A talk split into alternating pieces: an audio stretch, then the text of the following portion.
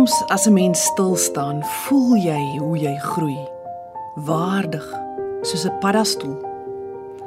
So skryf Jean Gosen.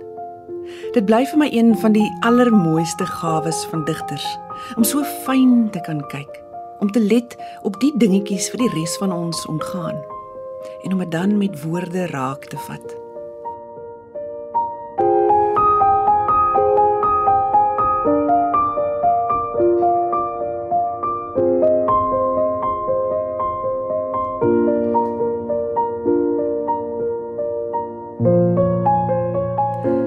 Goeienaand en welkom by Vers en Klank saam met my, Sofia.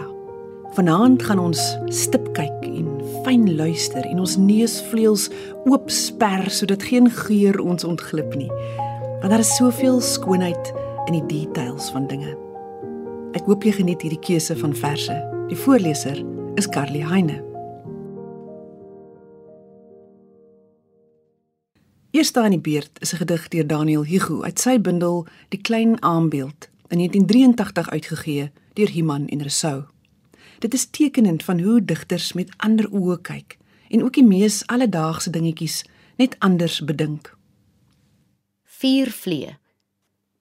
Vier dooie vlee op die vensterbank het geen noemenswaardige betekenis as bloot die ritmiese spel van klank waarmee hul bestaan benoem is. Dit is die wonder van die gedig. Die dooie sien weer klink klaar die lig. En so skryf sommige digters selfs oor iets so eenvoudig soos 'n stukkie seep. Die koekie seep deur Sheila Cousins uit die sagte sprong in 1979 uitgegee deur Tafelberg. Ek het gestaan en kyk na koekie seep geteken met nat toe ineens 'n vreugde deur my straal en tot in die grond van alle dinge in een oomblik voor dit vinnig oor die onsuiverheid van my hart weer vinnig moes verdwyn. Maar nou, verwonderd, weet ek, verwonderd elke dag dat iets wat ryk is bo verbeelding verby deur 'n kier kon geflits het. Speld kop klein. Robert Schall het die seepgedig deur die Duitser Jan Wagner na Afrikaans vertaal. Poging met seep deur Jan Wagner uit wat ek van klippe weet in 2021 uitgegee deur Naledi. 'n Stuk was altyd byderhand. Volg sy eie fases word minder soos byna alles lê dan weer dik en stralend wit in sy bakkie. Weeg soos 'n klip in die vuis, skuim op, word sagter. Jy was jou van Kain tot Abel. Eenmal vergete sal dit verweer tot 'n asteroïde splinter vol barsies, maar is nou klam en glansend soos iets wat diep vanuit 'n meer opgeduik word. Sekondes lank kosbaar. En ons almal sit aan tafel, maanlose aand, geurende hande.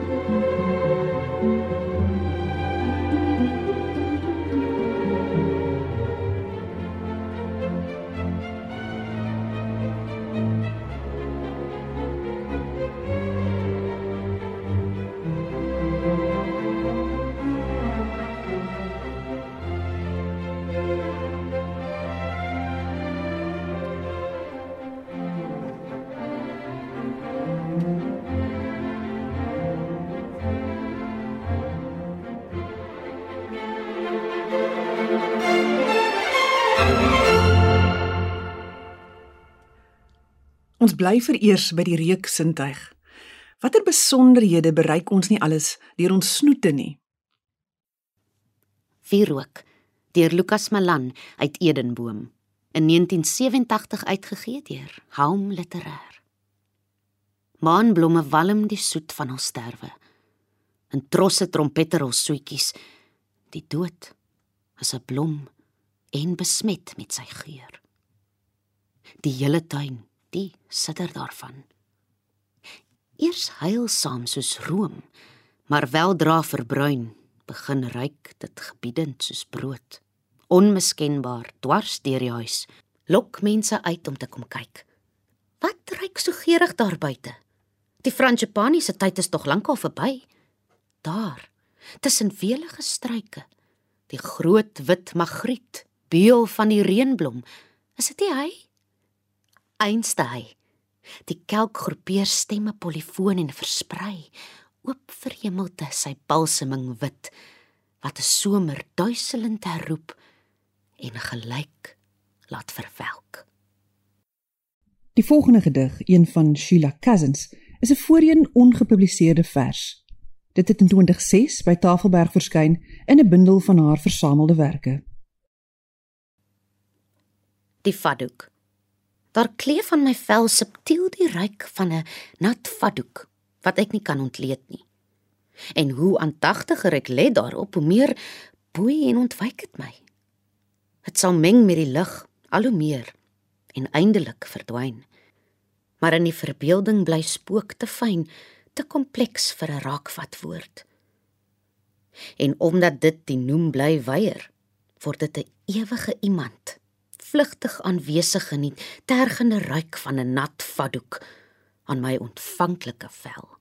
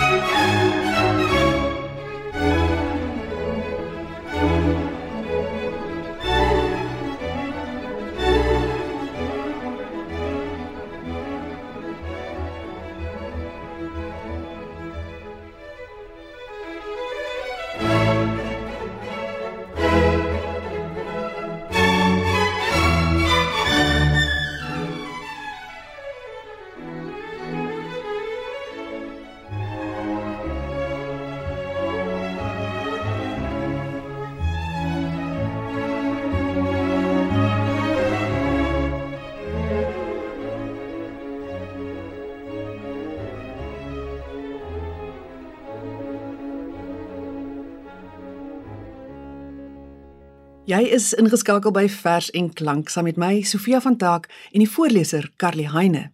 En vanaand betrag ons allerlei dingetjies van naderby. Ons vind vreugde in die fynste detail.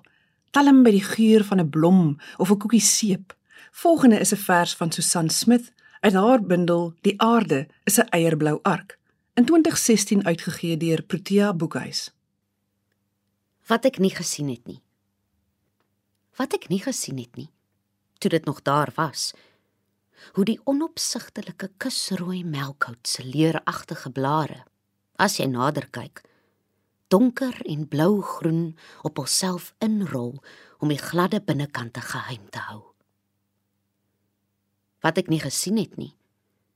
Hoe die geel streep tiptol, hoe die swart pens glans spreeu, ja, Selfs die bykans uitgewiste woudpapegaai aan vleesige oranje vrugte van melkhout vreet. Hoe melkhout die plantdak van die kusbos lig wat die delikate kiesieblaar bewaar waarvan raar blou bokkies en bosbokkies hou. Waarvan ek nie geweet het nie dat die kiesieblaar waarop die woudperlemoen skoenlapper se larwe leef net eenmal in 7 jaar blom. Wat ek nie gesien het nie.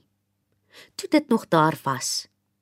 Hoe min aandag die skrander kiesieblaar, die glansspreeu, die perlemoenlarwe van my vra. Maar wat as 'n mens nie kan sien nie? Mis jy dit dan uit op so baie nie? Wel, nie noodwendig nie.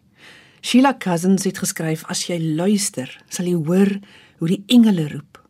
Vra maar 'n persoon met sy gestremdheid, hoe skerp 'n mens se ore word wanneer hy ook jou oë moet wees. Blinde voetganger deur Lukas Malan uit Tydspoor in 1985 uitgegee deur Tafelberg. Net die uitskot van 'n wêreld onderweg bereik my goed. Die klopdans van 'n trein, voete skuifeling, trap trap, skarniere van 'n deur wat stemme laat toeklap. 'n Flentertjie musiek van oorkant iewers af.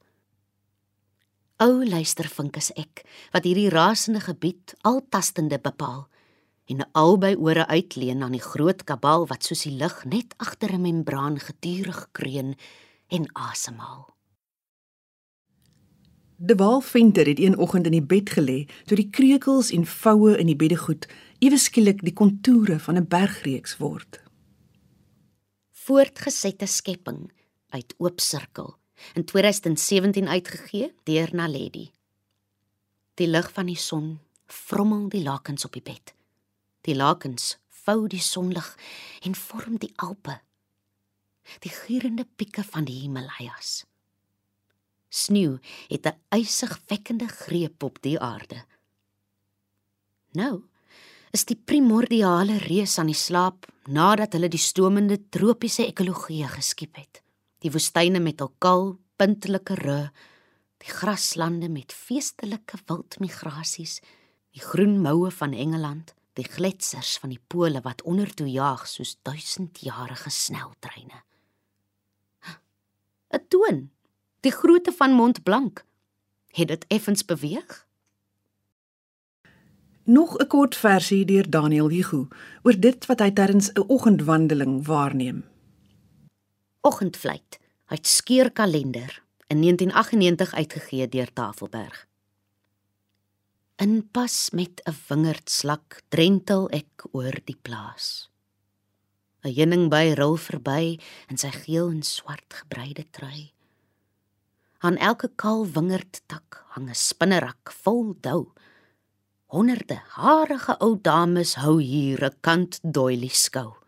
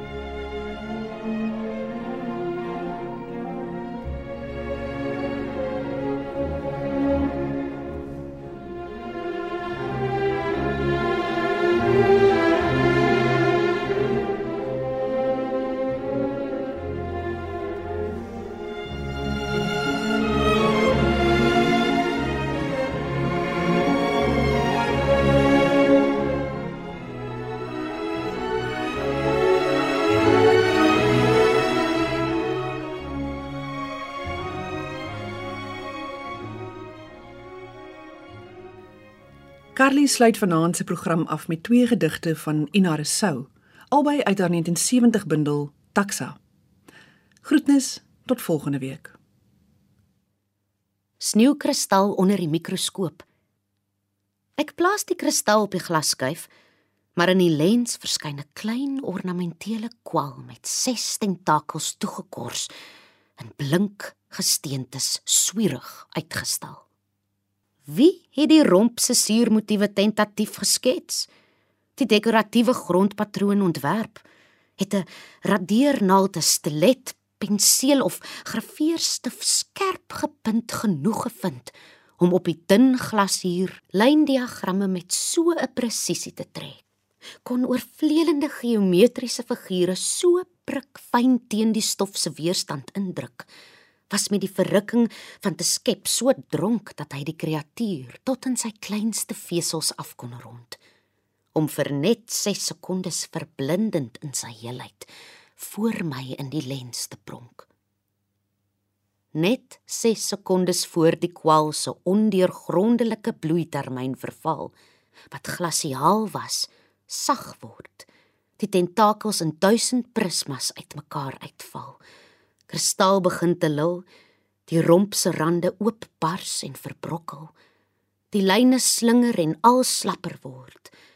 Die omvang slink totdat die kwal totaal vermink in die plotselinge waterdruppel op die glasskyf sink. Broderie anglaise. Gaatjies sinnelose leegtes steek die stilet in die batis. Belemmer laf die fyn planmatigheid waarmee die dwars en lengte drade in mekaar geskakel is. Maar wees nie kwaad nie, want gewis verskyn in hierdie stadium 'n naald wat met sy gitswit dun sygaring klein klein klein steekies begin vorm.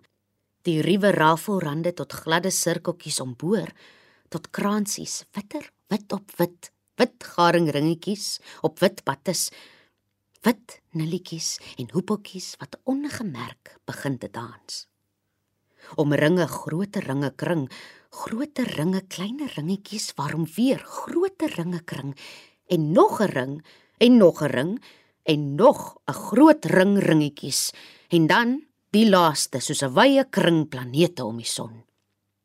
Soos 'n kring planete om 'n son omring, ring, die middelring en uit die groote sirkel kring 'n tweede ring, 'n derde ring, 'n vierde ring en dan nog 7 wat konsentries loskring uitmekaar en middelpunt vlietend na die wit periferie uitswewe. Verruklik. Soos 'n silwerdoek begin die wit batis te lewe.